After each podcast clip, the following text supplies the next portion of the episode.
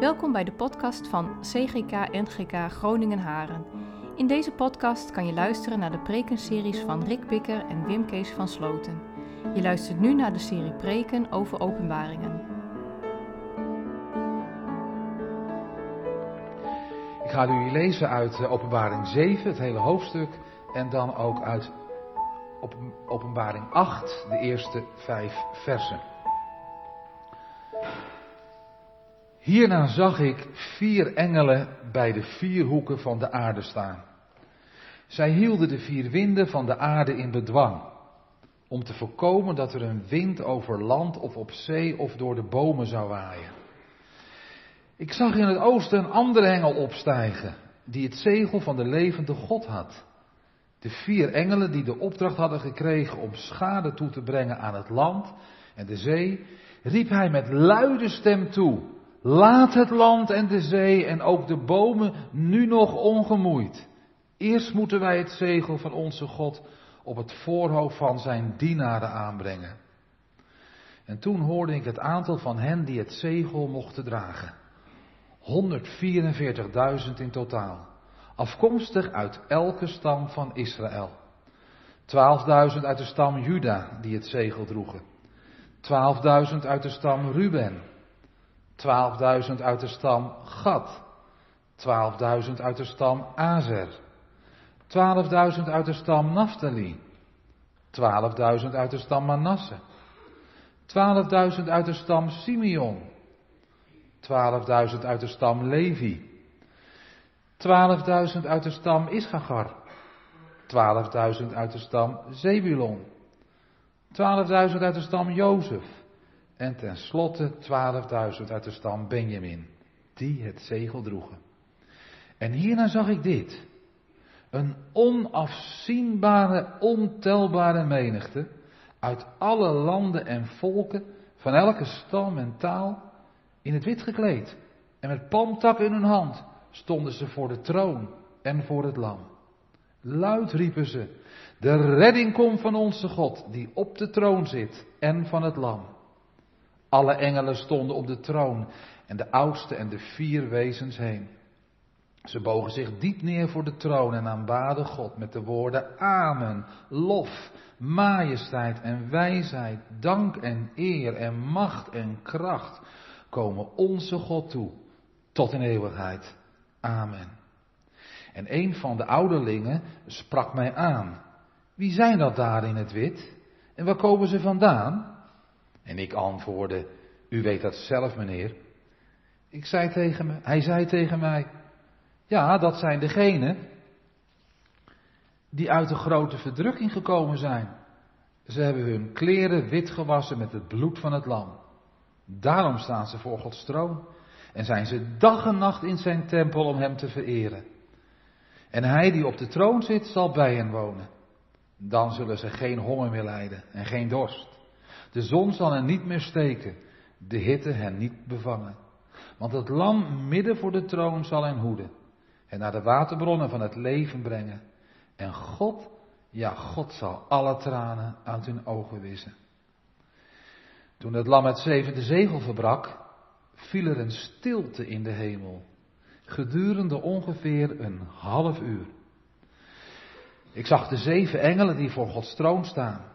Ze kregen alle zeven een bezuin. Toen kwam er een andere engel, die met een gouden wierookschaal bij het altaar ging staan. Hij kreeg een grote hoeveelheid wierook om die op het, gouden, op, om die op het gouden altaar voor de troon te offeren. Samen met de gebeden van alle heiligen. De rook van de wierook steekt met de gebeden van de heiligen uit de hand van de engel op naar God. Toen nam de engel de wierookschaal, vulde hem met vuur van het altaar en wierp dat op aarde. Er volgden donderslagen, groot geraas, bliksemschichten en aardbeving. Tot zover de schriftlezing. Zalig ben je, gered ben je als je Gods woord hoort, dat woord bewaart in je hart en er werkelijk ook elke dag alles aan hebt, helemaal uitleeft. Amen. Geliefde gemeente, gemeente van onze Heer Jezus Christus, broeders en zusters, jongeren, jongens en meisjes, ook thuis, gasten. Mosaic Worship heeft een prachtig nieuw lied. En we hebben het in Jeruzalemkerk al gezongen. Herbert, daar weet je alles van. Ging prachtig ook. Een heel mooi nieuw lied. Ik denk ook echt een lied voor hopelijk de tijd die nu weer mag doorbreken. Als alles weer wat meer open gaat, als de kerkraden ermee instemmen, hebben we volgende week toch weer meer ruimte in onze kerken in de CGK en GK Groningen Haren. En daar hoort dat lied ook bij. Is een beetje een verlangen. Ik denk dat Kees Kraaienoord om die reden het ook geschreven heeft. Laat dit huis een huis van gebed zijn. Een huis van gebed, dan zeg ik erachteraan, en een huis van geloof. Want van geloven ga je bidden en van bidden ga je meer geloven. Ja, laat dit huis een huis van gebed zijn. Hoe, hoe nodig is dat? Hoe heerlijk is dat ook? Ik haal alleen de apostel Jacobus maar aan, die zo gelijk heeft als hij schrijven mag. Een krachtig gebed van een rechtvaardige, een gelovige, brengt veel tot stand. Maar, niet te snel, mensen kunnen moeite met bidden hebben. Misschien jij wel. Hoort God ons wel? Trekt God zich wel wat aan van ons bidden? Werkt ons gebed ook wel wat uit? Ja, mensen, hoe kan je je problemen hebben met je bidden als het gaat om, wat kan ik opnoemen, je ziekte, je moeilijke thuissituatie, problemen met het bedrijf, het werk, noem maar op. Maar hiervoor gaf Jezus aan Johannes bij het openbreken van die zes boekrolzegels een speciaal tusseninkijkje in de hemel. We hebben het gelezen. Als het er een half uur stil is. Compleet stil. En de gebeden van alle heiligen van alle plaatsen en tijden geofferd worden voor Gods troon. En de Heer Jezus, laat ik dat al gelijk zeggen, wil je ermee vandaag vertellen. Mocht dat al tegen de kinderen zeggen, zeg het ook tegen jullie. Jouw gebed doet er toe. Absoluut. Even een flashback en dan komen we zo weer uit bij openbaring 7 en dan 8. Eigenlijk begint dit alles, waar we, wat we gelezen hebben, begint in openbaring 5. Als, uh, als het lam de enige is, het, het lam staande en geslacht, de Heer Jezus Christus, de enige is die in staat is om die regeringsboekrol van God te openen. Niemand kan het. De hele hemel, het hele heelal, overal op aarde, doodstil. Wie is er in staat? Niemand. Niemand kan de regering van God overnemen. Niemand kan die boekrol aannemen en de zegels er verbreken dan één. En dat is de Heer Jezus, het lam. En inderdaad, hij verbreekt dan ook de zegels. Dat hebben we gelezen in hoofdstuk 6 en daar heeft Rick over gepreekt, één voor één. En we kregen tot en met die verbreking van het zesde zegel te zien wat er allemaal ging gebeuren, staat te gebeuren, nog moet geschieden, openbaring 1 vers 1, voordat de Heer Jezus terugkomt. Zes zegels verbreekt Jezus. Oordeelspaarden gaan over de wereld met oorlog, met honger, pest en dood. En ze laten een spoor van vernieling en chaos op aarde achter. En laat ik het dag erachteraan zeggen, de wereld komt in die oordelen mee. Sterker, ze is er zelf debet aan en verantwoordelijk voor. Ik leg dat uit. Dat, daar, is, zit wel een beetje een misverstand, ook onder kerkmensen, over. Wat bedoel ik? Over Gods oordeel.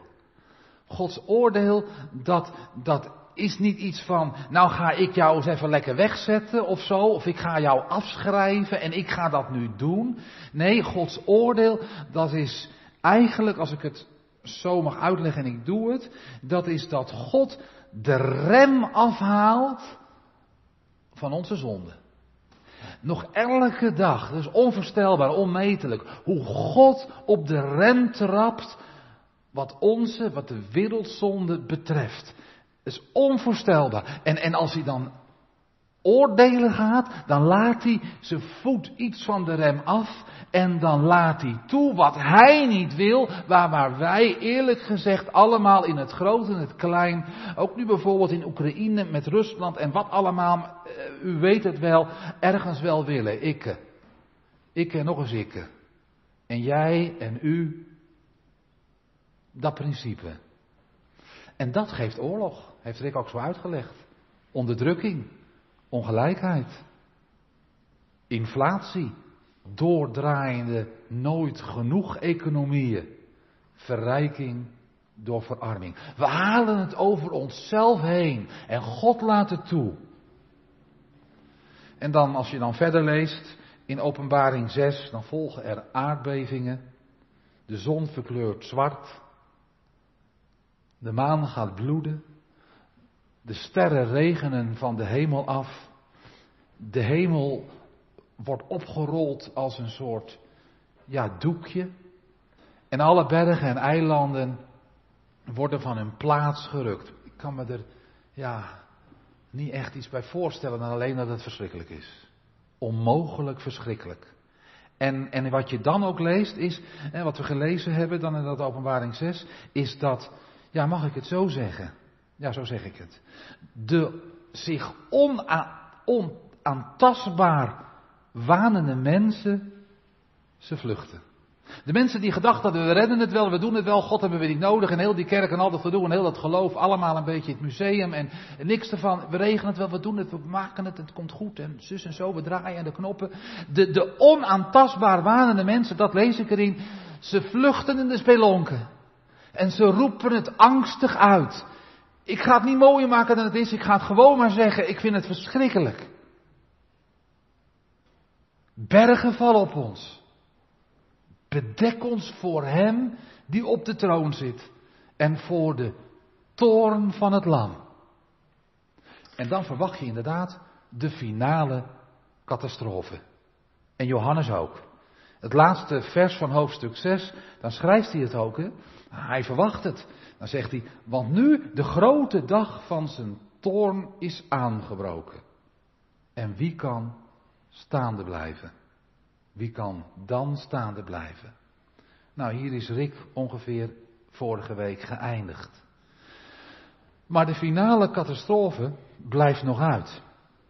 In hoofdstuk 8 volgt eigenlijk een soort intermezzo. En dat is heel bijzonder. Dan, dan verwacht Johannes, en als je met hem meegaat, dan verwacht je, nu komt, de, nu komt de klap. Nu komt de klap. Maar nee, dan komt er eerst nog in een tussenmomentje een heerlijk beeld. Wat ziet Johannes? Oh, zo prachtig. Hij ziet 144.000 van Gods eerste volk. De zonen en dochters van Israël. 144.000, ik ga het niet precies uitleggen, maar dat is een getal 12 keer 12 keer 1000. En je kan toch op een andere manier ook invullen, maar het is een hele grote menigte van broeders en zusters van ons, de oudste van Gods eerste volk Israël. En hij ziet ze daar staan en hij ziet dat engelen hun voorhoofden verzegelen met Gods eigendom en beschermingszegel. Dat spreekt voor zich. En vervolgens ziet Johannes een ontelbare menigte. Een ontelbare menigte uit alle volken, stammen, talen en naties. En ze staan voor de troon en voor het lam. Hij, hij, krijgt gelijktijdig ook een doorkijkje in de hemel. En Johannes begrijpt het gelijk en ik denk u ook wel. Als je dat bij elkaar neemt, inderdaad ook die wit gewassen kleden, die mensen, daar staan ze met pantakken in hun hand voor de troon te juichen. Ze hebben het over de zaligheid is van God. Johannes begrijpt het. Wat een heerlijk intermezzo. Zo vlak voor het verbreken van de zevende finale zegel met alle catastrofen krijgt Johannes een on, on, onnoembare garantie, verzekering van Jezus. Jezus overwinnaar komt eraan. Dat is waar, heerlijk. Het oordeel over de ongelovigen. Maar in deze finale catastrofe zal hij zijn bruidsgelovigen, laat ik ze vanmiddag zo noemen, uit Israël en de hele heidenwereld ongeschonden bewaren. om met hen als hun bruidegom straks het eeuwige bruiloftsfeest te vieren. Het is mooi en spannend tegelijk. Toch? Verzekering voor de gelovigen. Als u er zo zit als gelovige, vertrouwen op de Heer, kan geen betere verzekering krijgen. En dan is mager dus uitgedrukt. Oordeel voor de ongelovigen. Zo is het. En geef God alsjeblieft niet de schuld, gemeente. Dan hoofdstuk 8. We gaan verder. Dan, dan wordt het zevende zegel verbroken. Nu ligt die boekrol helemaal open. De regering van God van de aarde komt tot een einde. Nou, u weet wel, waar gaan we dan heen? Ja, dan moet nog komen, inderdaad, dan komt hij weer, die finale catastrofe. Die finale oordelen. Oordelen waarvan die oordelen met die oordeelsparen, paarden, maar peanuts. Kinderspel. Wat gaat er gebeuren? Nou, Johannes die denkt, nu komt het, hè. Hoofdstuk 8, vers 2. Dan ziet Johannes engelen aankomen. En hij ziet ze klaar gaan staan. En hij ziet ze de bezuinen heffen. En, en, en hij denkt, nu gaat het gebeuren. Deze, deze engelen die gaan de komst van de grote koning aankondigen, aanbazuinen. De koning die de aarde gaat richten. Ik denk dat Johannes zijn adem ingehouden heeft. Daar gaan ze. Die hemelse bezuinen omhoog. En gemeente, daar zit, laat ik het zeggen, daar zit een hele heftige boodschap in. Daar zit een, een boodschap in die, die, die je niet kan voelen nu. Op dat moment wel. Sidder, Satan. Beef, aarde. En buig, ongelovige zondaar. De oordeelsdag komt nu snel. Maar er gebeurt niks. Er gebeurt helemaal niks. Gods boek ligt open. En het hele leven, dat moet gewoon nog zijn gang gegaan zijn. En gaat ook gewoon nog zijn gang. Gods vijanden kunnen er ook rustig onder blijven. Ze kunnen heel kalm zeggen, nou bijvoorbeeld misschien wel tegen jou morgen van op school weer, of hoe dan ook, nou die God van jou die doet ook maar niks. Het doet geen kwaad en het doet geen kwaad. Stelt helemaal niks voor. Gun hem eruit. Daar moeten we niet van hebben. Ze kunnen het gewoon zeggen. Ze kunnen het gewoon zeggen. Na het openen van het zevende zegel is het gemeente stil. Ook op aarde. Leest u iets anders? En in de hemel. Daar is het ook stil. En dat is eerlijk gezegd, Johannes, sinds het overnemen van de boekrol door het lam niet meer gewend. Sinds, sinds, die hemelbewoners gezien hebben hoe, hoe, hoe het lam die boekrol uit de handen van de Heere nam, van God nam, hebben ze een lied aangegeven, zijn ze gaan zingen, giga gaan zingen. Voor God en voor het lam op de troon. Want nu zou het doorgaan. Nu zou de redding komen voor de gelovigen. Het liep goed af. Zij wisten het. Er is een muziek geweest er in die hemel. Die engelen hebben het doorgehad. Die wisten precies alles. Maar heel vreemd, heel anders voor Johannes. En voor die engelen, vooral die hemelbewoners, plotseling stil. Heel stil. Nou, stil is stil. Als wij stil zijn, hoor je nog steeds de regen.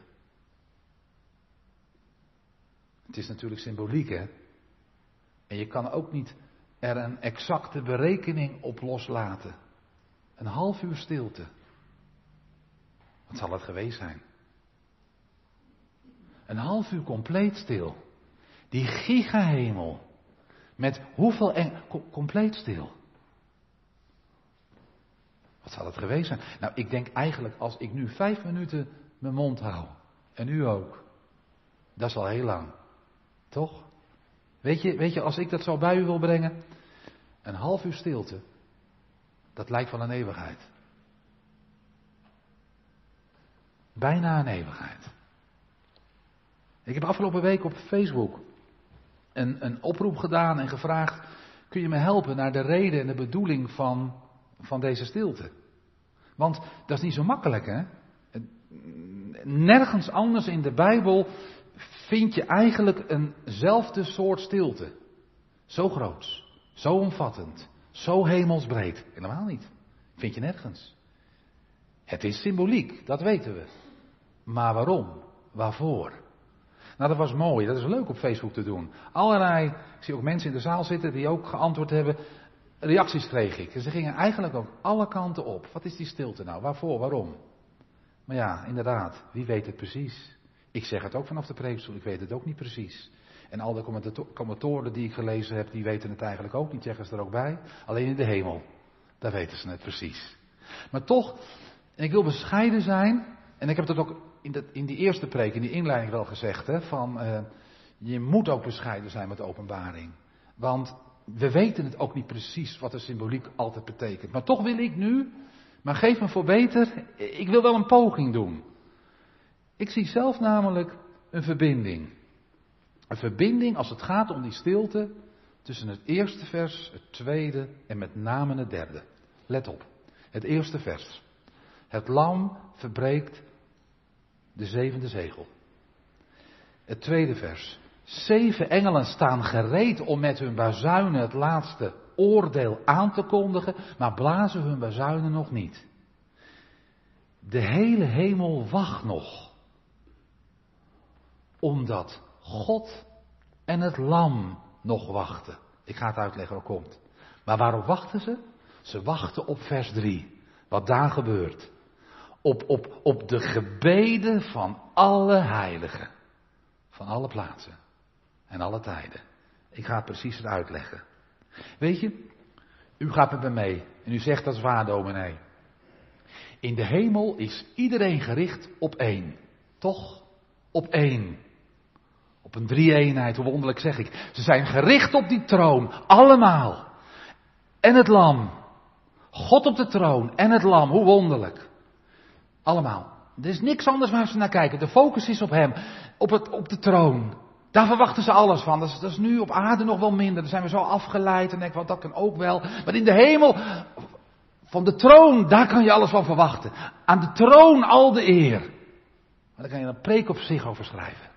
Want ze weten het, ze weten het precies. En ze geven het. En wie bedoel ik? Natuurlijk, die verloste mensen in het wit, die daar voor die troon staan. Maar ook de vier dieren en de engelen en de ouderlingen rondom. Het is daar voortdurend één ding, de hele dag door. Ze eren God. En ze reageren op hem. Voortdurend. Dan na de opening van dat zevende zegel, hè, zullen ze God en het Lam gespitst hebben zien luisteren. En daar reageren ze op. Weet je, in de psalm is het vaak dat mensen wachten op God. Neem psalm 130. Mijn ziel wacht ongestoord op de Heer. Nu, op dat moment, is het in de hemel omgekeerd. God wacht. En God richt zijn oor. Ze zien het, al die hemelbewoners. En ze voelen het aan. God wil luisteren. En ze zeggen het tegen elkaar, mag ik het een beetje invullen? Geen geluid maken. God vraagt om stilte. Waarom? Daar komt hij. Om jou en u en jouw gebeden te horen. Totdat Jezus terugkomt. Geweldig. Vul ik dit allemaal nou toch niet in? Ik denk het van niet.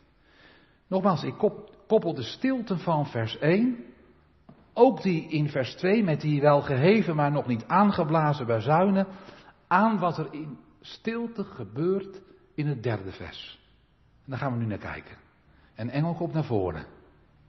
Hij gaat met een gouden wierookschaal bij het altaar staan. Hij krijgt een grote hoeveelheid wierook. Om op die gouden, dat gouden altaar voor de troon te offeren. Samen met de gebeden van alle gelovigen. Alle heiligen. Van alle tijden en plaatsen. Die gebeden die stijgen vermengd met het wierook op van het altaar tot Gods troon. Dat ziet Johannes. Dat ziet hij. Dat schrijft hij. Zeker weten. Begrijp jij wat Johannes ziet? Begrijp jij wat Johannes ervan begrepen hebt? Geweldig. Jouw en uw gebeden. Voor mij was het een ontdekking van de week. Je weet het wel, maar dank u wel, Heere God. Uw gebeden, mijn gebeden wil ik zeggen, jouw gebeden, komen bovenaan. En het wordt daarboven stil van. De hemel luistert. En God als eerste. God luistert, laten we het maar gewoon heel precies zeggen. Ontroerd. Wanneer een zondaar, Wim Kees van Sloten, en vul je naam in, om genade smeekt. Als een hulpeloze om hulp smeekt. Een hopeloze om hoop.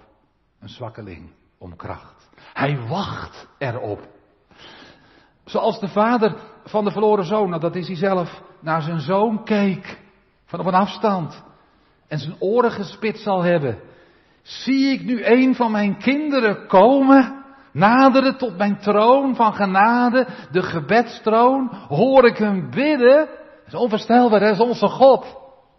Hemelbewoners, allemaal even stil alstublieft. Ik vind geweldig. Je bidden doet ertoe. Maar misschien zeg jij, dominee, dit gebed gaat, als ik goed lees, over de heilige. Ik weet niet hoe in de MBV staat, dacht het ook. De HSV staat heilige. En dat is ook hoe het in het Grieks staat. Heilige, heilige. Ik ben geen heilige. Maar denk je dat die volmaakt zijn? En denk je dat die volmaakt bidden? Niemand is volmaakt. En heilige, laten we het ook uitleggen vanmiddag. Een heilige is een gelovige. Is een apart gezette door God. Die enkel, dat is een gelovige, zijn handen kan openen. En dat is heerlijk genoeg.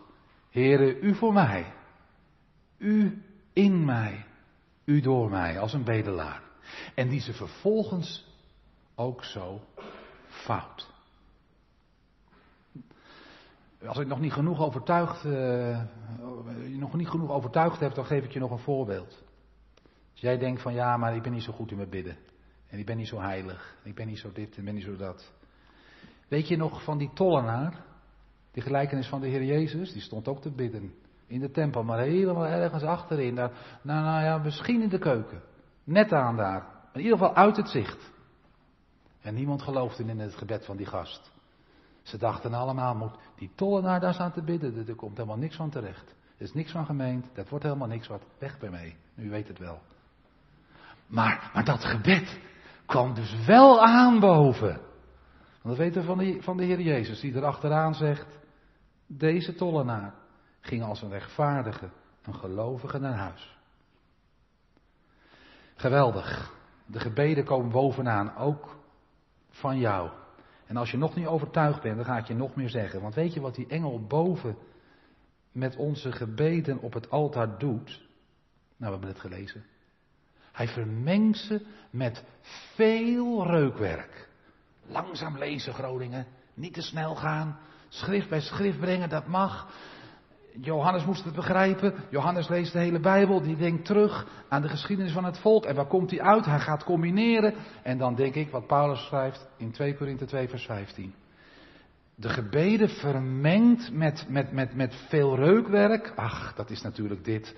Dat is natuurlijk precies wat Paulus schrijft.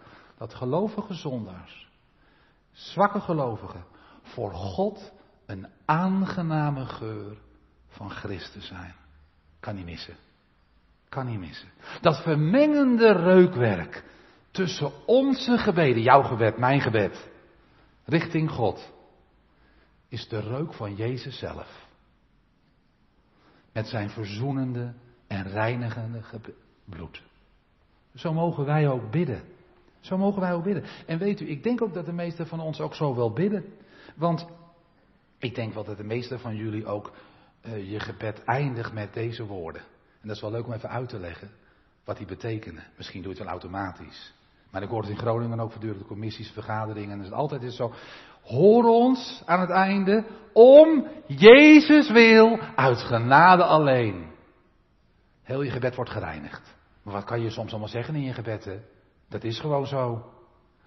Maar als je dat er oprecht achteraan bidt, ik heb nu alles geweten, alles voor die troon. Maar hoor ons om Jezus wil, wat een genade. Uit genade alleen, uw bloed erover. Die vermenging van dat reukwerk. Nou, en we hebben het in deze preek gezien en gehoord via Johannes. Het gebeurt ook nog eens boven. Het gebeurt ook nog eens boven. in stilte. Ja, je bidden vermengd met Christus genadegeur doet ertoe.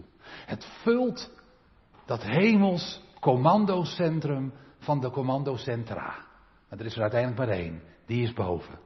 En het wordt daar, ik pak verder uit, als aangenaam ervaren. Onvoorstelbaar, hè? Jouw bidden, mij bidden. Nou, ik heb ook wel eens een keertje, hè? Het wordt als aangenaam ervaren. Het wordt als gewenst, als nodig ervaren. Er komt er nog een. Het beïnvloedt daar. Dat is vers 4, hè? De rook van de wierook stijgt met de gebeden van de heilige uit de hand van de engel op naar God. Hij zit er middenin. Heerlijk. Dan gebeurt er iets anders. Vers 5. De engel neemt de wierookschaal, lezen we daar, vult hem met vuur van het altaar en werpt dat op de aarde. Er volgen donderslagen, groot geraas, bliksemstralen, aardbeving. De stilte in de hemel, hè, gevuld met al die gebeden van ons, is ook de stilte voor de storm.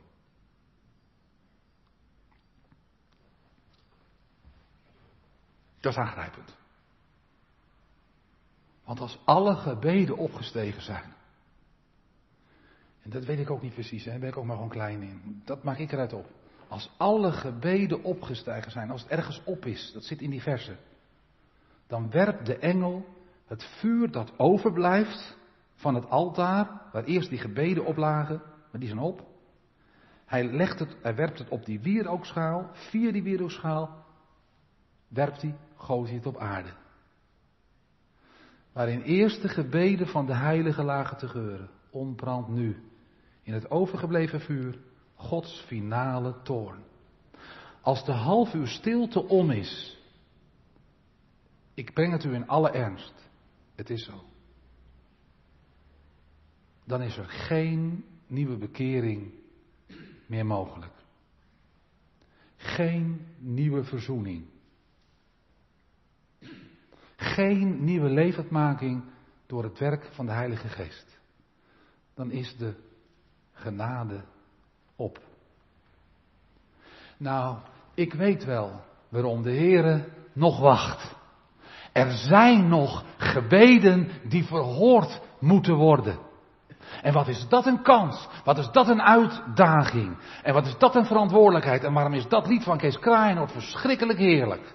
Laat ons huis een huis van gebed zijn. Groningen. Heb je nog te bidden? Heb je nog voor iemand te bidden? Ik wel. Hoe vindt u? Nu is er nog stilte. Hier op aarde en in de hemel. Boven wordt gespitst gewacht. Op jouw gebed voor hem, haar. er staat nog iets anders in. Ik ga terug in de tijd. Ook iets prachtigs. Weet je, in al die gebeden, uit de hand van de engel, opstijgend naar God, dat beeld, zaten ook de gebeden van onze voorouders. Van mijn opa en oma. Ik zie mijn oma zo voor me. En ik weet het, elke keer zei ze het. Ik bid elke dag voor mijn kinderen en kleinkinderen. U kunt uw beelden ook wel naar voren halen, hoop ik, denk ik. Al die gebeden, daar gaan ze, daar zijn ze gegaan, de eeuwen door. Dat is onvoorstelbaar. En dan zeg ik, papa, mama, oma, opa, bidden jullie alsjeblieft ook voor je kinderen en voor je kleinkinderen. Want jullie bidden doet ertoe. Kijk waar ze aankomen. Nee, ik beweer nu niet dat God afhankelijk is van ons bidden. En dat wij Gods heil zelf allemaal biddend kunnen regelen. Ik heb het al vaker gezegd. Jouw bidden, hè? En jouw bidden en uw bidden. Dat is Godszaak. Ja, jij denkt, ik ben aan het bidden. Nee, jij bent aan het bidden, ja, dat klopt. Maar het is Gods werk. Dat is geweldig. Als, als jij hè, zegt, hè, uh, je, je, voelt het. Uh, ik bijvoorbeeld vanavond of straks ook weer, ook in je nood plotseling, ik ga bidden. Dan legt God het in je. Is niet van jou. Net zoals geloof iets is wat God je geeft. Geef God je ook het gebed. Ja, dat is hoog, hè? Ik vind het ook heel hoog. Maar wel heerlijk. Als jij in de nood in de penarie zit, je zegt wel, nu bidden voor die zuster of, of, of die broeder en voor dat kind en zus en zo. Laat God je bidden. En ik vind het heerlijk. Jouw bidden, ouders van Groningen. Het hoort wonderlijk bij Gods plan. En daarom wel doen. God schakelt je er gewoon voor in. Hij doet ermee in de stilte gespitst. Zie hem daarboven. Zie hem daarboven. Gespitst aan het wachten en aan het verlangen. Onvoorstelbaar prachtig samen met het lam. Staande, maar ook geslacht. Met zijn armen weten we vanmorgen in Jeruzalem kerk. Doorboord. Zijn kruistekenen zichtbaar. Ze zitten daar gespitst te wachten op uw gebed, op jouw gebed. Totdat de oordeelsdag komt. Nou, ik zeg al twee zinnen nog tegen u, zeg ik amen. Daar ga je toch van bidden. Nu het nog kan. In de stilte van de genade.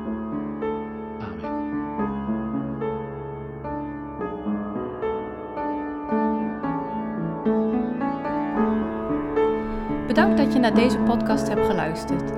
Wil je reageren? Stuur dan een e-mail naar podcast.cgk-gn.nl.